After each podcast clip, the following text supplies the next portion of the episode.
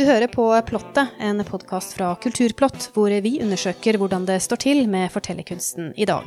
Hvilke fortellinger finnes, hvem holder tradisjonen i live, og hva kan de som forteller historier i dag, egentlig si om det å fortelle? Mitt navn er Elena Gundersby Gravdal, og nå skal du få møte Martine Johansen. Hun er slampoet, dikter, forfatter og utdannet religionshistoriker. Valget av Donald Trump i 2016 inspirerte henne til å skrive boka Vi har ikke fire nye år. Senere forteller hun et utdrag herfra, men først skal vi bli litt kjent med Martine, og hvorfor fortellinger er noe hun bruker livet sitt på.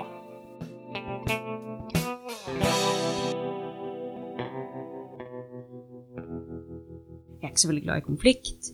Jeg er derimot veldig glad i å liksom manipulere følelser. Eh, og hvis jeg kan fortelle en skikkelig god historie, eh, slik at noen føler det jeg vil at de skal føle, og at de blir med meg på den reisen, så kan jeg på en måte få de til å være enige med meg om ting som de kanskje ikke ville vært enige med meg, eller like enige med meg i hvis jeg bare sa til dem at ja, dette, handler, dette diktet handler om dette, og det jeg mener å si og prøver å si med dette Det hadde kanskje vært slitsomt og belærende, kanskje totalt uinteressant for ganske mange å høre på, egentlig. Da blir jeg en sånn Det er ikke gærent å være liksom slitsom og hamre på og sånn, det det er bra for de som kan gjøre det, og som klarer det. Jeg klarer ikke å stå i det. Jeg vil heller fortelle en historie. For Martine er politisk aktiv, men fant tidlig ut at hun foretrakk å lufte meningene sine gjennom fortellinger heller enn harde debatter. Hun sier målet er å snakke, men uten å belære. Jeg har alltid tenkt at det er lettere å overbevise med følelser enn på en måte kun retorikk. Og så fant jeg ut at jeg hadde mange ting som jeg, jeg likte å snakke med venner om. Og som man da kunne snakke ganske åpent om ting som skjer, og ting man tenker på. Og, mens med fremmede så kan man jo ikke ha de samtalene. Og det var derfor jeg begynte å tenke på sånn, kan jeg bruke historier til å også snakke med folk utenfor min omgangskrets, utenfor de jeg faktisk allerede kjenner og er komfortabel med. Og da var historier en måte å gjøre det, hvor jeg slapp å si sånn Jeg mener dette. Hva syns du om at jeg mener dette? La oss liksom gå inn i en sånn eh, vanskelig debatt om dette. Eh, da var det bedre å bare fortelle, fortelle historier, og så se hva som skjedde.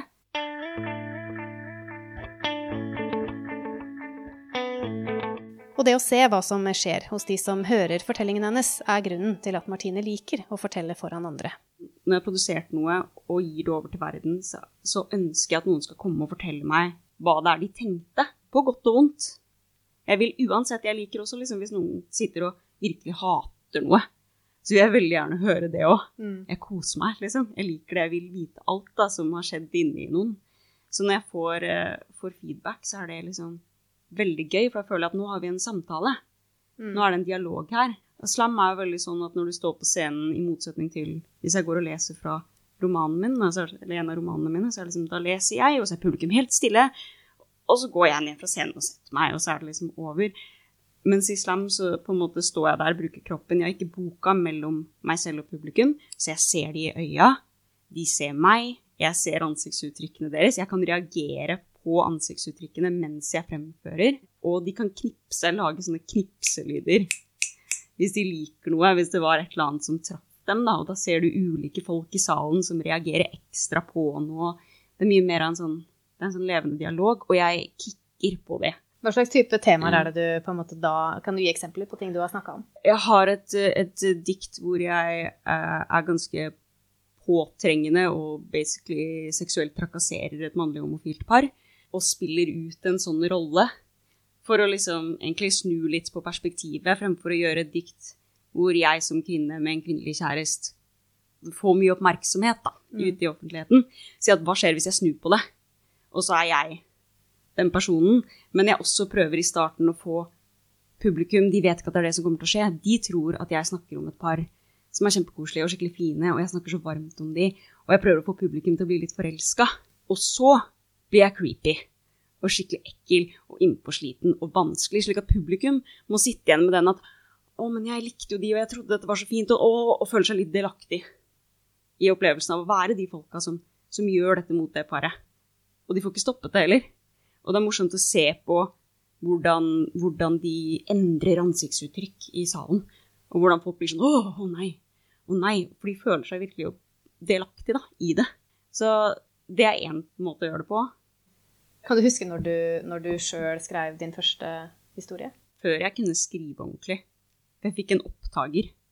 Så da kunne jeg liksom lage små sånne sanger og tekster og dikt inn i en sånn diktafonaktig sak med sånn båndopptaker, en liten kassett som jeg fikk putte inn og så gjøre opptak. Og det holdt jeg på med i ett. Ja. Så dette har vært hos deg alltid? Det at du ønsker å formidle og fortelle, og du har liksom ting du må få uttrykk for? Ja.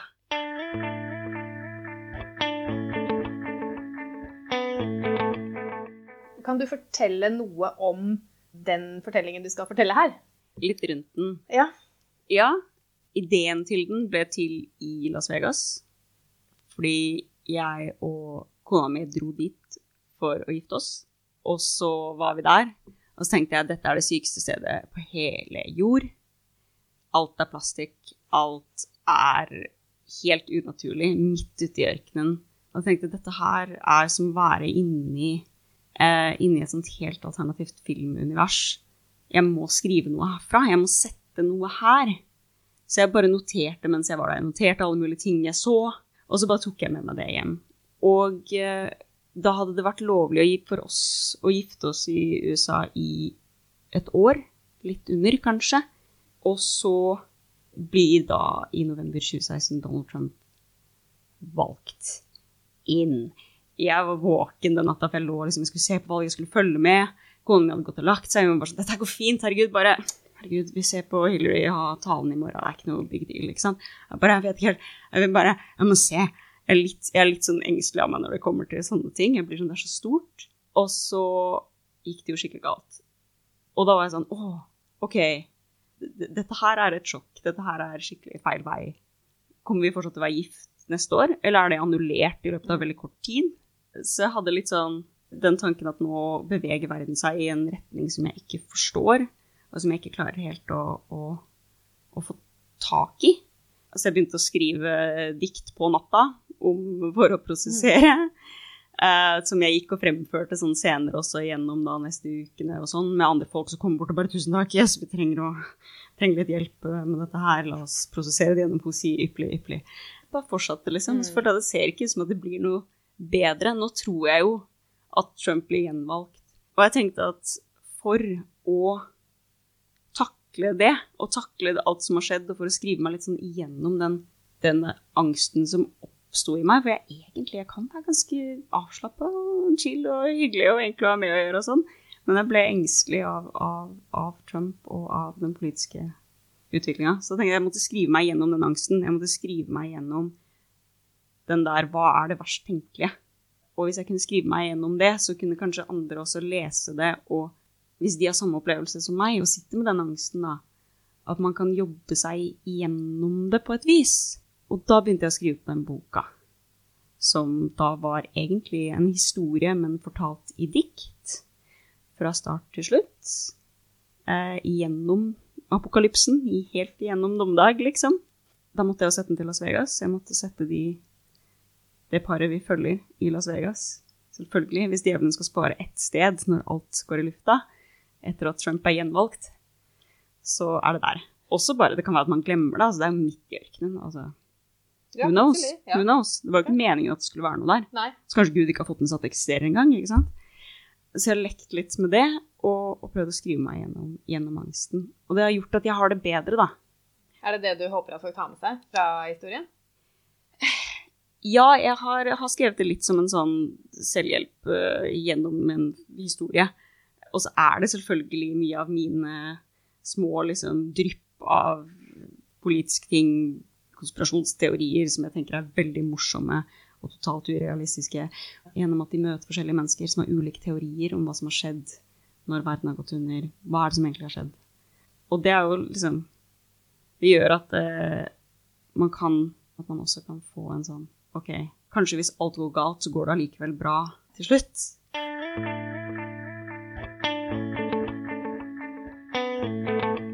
Og her får du et utdrag fra boka Vi har ikke fire nye år, fremført av Martine Johansen. Vi møter en av hovedpersonene som barn i Jehovas vitner, når hun finner ut at hun liker en annen jente litt for godt.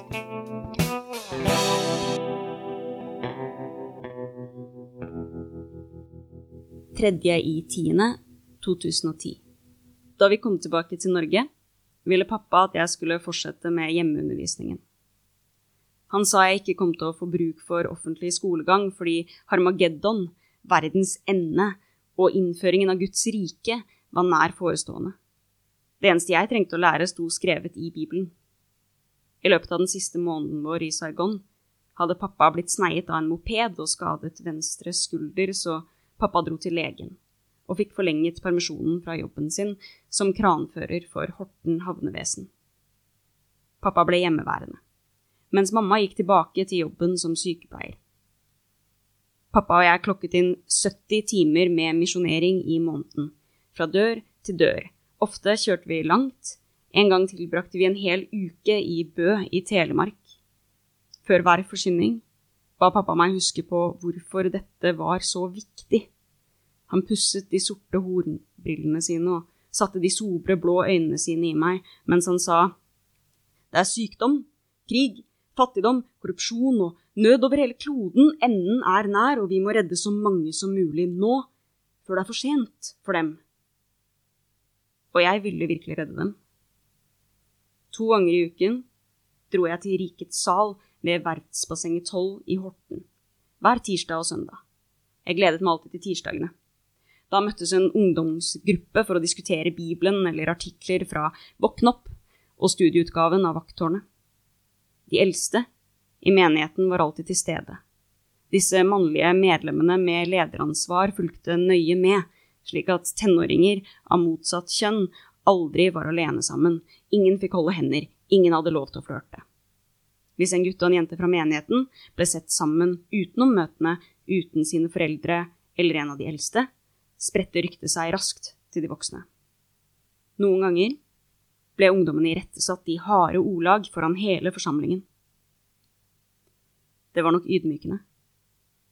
De mer rebelske jentene enn jeg kunne finne på å hviske til hverandre om dette og uttrykke misnøye med de strenge reglene, men jeg forsto ikke problemet. Jeg var bare glad for å kunne være sammen med noen på min egen alder.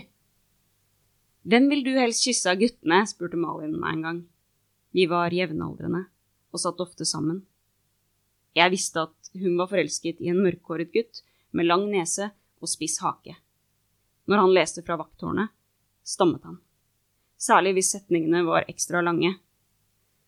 Jeg har ikke tenkt på det, sa jeg. Du må være sterk i troen, sa Malin. Og jeg sa han ikke imot, selv om det kjentes som en løgn. 18.01.2011. Noen dager etter 14-årsdagen min skulle pappa dra til en av de eldste på Nøtterøy som trengte hjelp med å skifte ut et knust vindu. Så pappa kjørte meg til et ungdomsmøte i Tønsberg fordi det lå på veien. Rikets sal i Tønsberg lignet vår. Et enkelt rektangulært bygg, en enkelt etasje, en enkel talestol i eik, fem rader med ni blå stoler på hver rad. Rommets eneste utsmykning var et bibelsk sitat på veggen. Dagens møte ble ledet av en jente som introduserte seg som Rakel. Hun snakket med leppene til en helgen og tungen til en hærfører. Tennene hennes var hvite, som tennene til en krokodille, og når hun smilte, var det ingenting jeg kunne gjøre. Hvert ord fra hennes munn trengte seg inn i øret mitt som en orm. Klangen fra stemmen hennes lagde seg et rede på innsiden av skallen min. Etter møtet klemte hun meg og spurte om jeg var ny. Hun luktet som de søteste kanelepler. Alt endret seg med Rakel. Da pappa hentet meg i familiens Volkswagen Passat, spurte jeg om lov til å gå på møter i Tønsberg. Ungdommene virker mer forberedt og fokusert her, sa jeg. Vi kan ikke bytte familie. Ei heller kan vi bytte menighet, sa pappa. Den natten drømte jeg om Rakel. Hun hadde paradis i årene sine. I drømmen tok jeg en kniv, skar et snitt i den bløte håndbaken hennes og drakk av henne, til huden hennes ble mørkeblå. Da jeg våknet, banket hjertet mitt så tungt at jeg ikke kunne puste, lakenet var fuktig av svette, jeg visste øyeblikkelig at jeg ikke kom til å overleve Harmageddon. Og alle i menigheten inkludert mamma og pappa, kom til å få vite at jeg var et dårlig menneske. Jeg gikk på møter. Jeg snakket ikke med gutter. Jeg leste Bibelen og vakttårnet og våkn opp, jeg banket på dører, men det kom aldri til å være nok. Og så fort Harmageddon inntraff, kom jeg til å bli avslørt. Jeg bedro menigheten med tankene mine, og jeg fortsatte å bedra dem igjen og igjen, natt etter natt. 29.3.2011. En tirsdag noen måneder senere var jeg på møte i menigheten vår.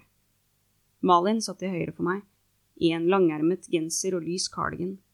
Knærne hennes skalv, øynene hennes var blanke. En av de eldste snakket til forsamlingen om Niklas, den mørkhårede gutten med lang nese og spiss hake, som ikke var til stede. Niklas hadde syndet med en gutt utenfor menigheten. Ser du ham på gaten? Snu deg vekk, vi kjenner ham ikke, sa den eldste. Vi ble advart om å holde oss unna. Niklas var frafallen. Han visste forskjellen på rett og galt, men likevel valgte Niklas å synde. Hva han hadde gjort med denne andre gutten, ble vi ikke fortalt. Men jeg kjente det prikke i leppene mine. Luftrøret i halsen min tettet seg, synet mitt ble tåkete, og magen min strammet seg som en knyttneve. Fjerde i fjerde 2011. Drømmene om Rakel ble stadig mer omfattende. I en av disse ble Rakel omgjort til et lam, og jeg klippet til svetten rant for å finne henne igjen under lagene med ull. I en annen var jeg lammet, og hun ledet meg over en vakker eng, men blomstene visnet idet vi passerte. Hun ledet meg gjennom en grønn skog, men så fort skyggene våre gled over trærne, begynte røde flammer å slikke over barken og veden. Hun ledet meg videre over en grønn åsside i et evig jag etter en lyskilde som alltid var nøyaktig én meter fremfor oss, og som vi aldri klarte å fange. Da jeg våknet, så jeg for meg mamma og pappa at de sto ved sengekanten min med vantro som et slør over ansiktene sine. De var sikre på at jeg var reddet men etter alt arbeidet de hadde lagt ned i å lære meg rett og galt, kom de til å leve for alltid i himmelen uten meg, og det var min skyld. 10. i 5. 2011. Det var tirsdag. Jeg var som vanlig på møte i Rikets sal. En blond gutt med midtskill leste fra Våkn opp. Artikkelen het Bølger som dreper. Myter og fakta som forklarte hvordan vann ofte blir trukket vekk fra land og ut i havet på få minutter, slik at det kan oppleves som at havet forsvinner før en tsunami inntreffer. Malin satt på høyre side av meg. Er mammaen din syk? spurte Malin. Nei, sa jeg. Men hun har ikke vært på møte de siste ukene, sa Malin. Mamma er alltid på møter. Pappa sier at hun ikke har det, og jeg burde spørre deg om hun er syk, sa Malin. Hun har vært opptatt, sa jeg. Stemmen min var hard. Jeg ville ikke la Malin tro det var noe galt. Men da jeg kom hjem fra møtet den dagen, lå mamma på sengen min. Hun ga tegn til at jeg skulle legge meg ved siden av henne. Mamma holdt rundt meg med tykke, myke armer. Pusten hennes luktet kamillete jeg må vite om du vil forlate menigheten med meg, hvisket hun. Jeg var 14, og verden utenfor menigheten var ukjent. På mange måter var den utenkelig. Ikke minst var den et farlig sted. Jeg var ikke sikker på om mamma visste om drømmene mine. Kanskje snakket jeg i søvne? Er det på grunn av meg? spurte jeg. Men jeg drar ikke uten deg, sa hun. Men hva vil det si? At det er opp til deg hva som skjer nå, sa hun. Jeg hadde aldri feiret julaften eller en bursdag. Jeg hadde aldri vært på en fest eller en konsert. Jeg kom allikevel ikke til å overleve Harmageddon. Så var det ikke da like greit å være frafallen? Resultatet var uansett det samme. Jeg tenkte på Niklas, og at hvis jeg sa ja til mamma, så var jeg i det minste ikke alene der ute i verden. men jeg ville ikke dra fra pappa. Nei, men vi drar ikke før du er klar for det, sa mamma og strøk luggen vekk fra ansiktet mitt. Det usagte mellom oss hadde en besk ettersmak som ikke forsvant uansett hvor lenge og innbitt jeg pusset tennene den kvelden. Dagen etter ba jeg på enda en hemmelighet. Mamma hadde lovet meg å vente, men hun gikk bare sporadisk på møtene nå, uansett hvor mye pappa presset henne til å gå fast. Det var synd på han, som bare ville redde oss, og som bodde i et hus med to kvinner han kom til å miste. En sen søndagskveld hørte jeg pappa rope gjennom soveromsveggen. Men vet du blikkene de sender meg? Du er ikke noe bedre enn en babylonsk hore! Jeg sov ikke den natten, som i det minste betydde at jeg ikke drømte om Rakel.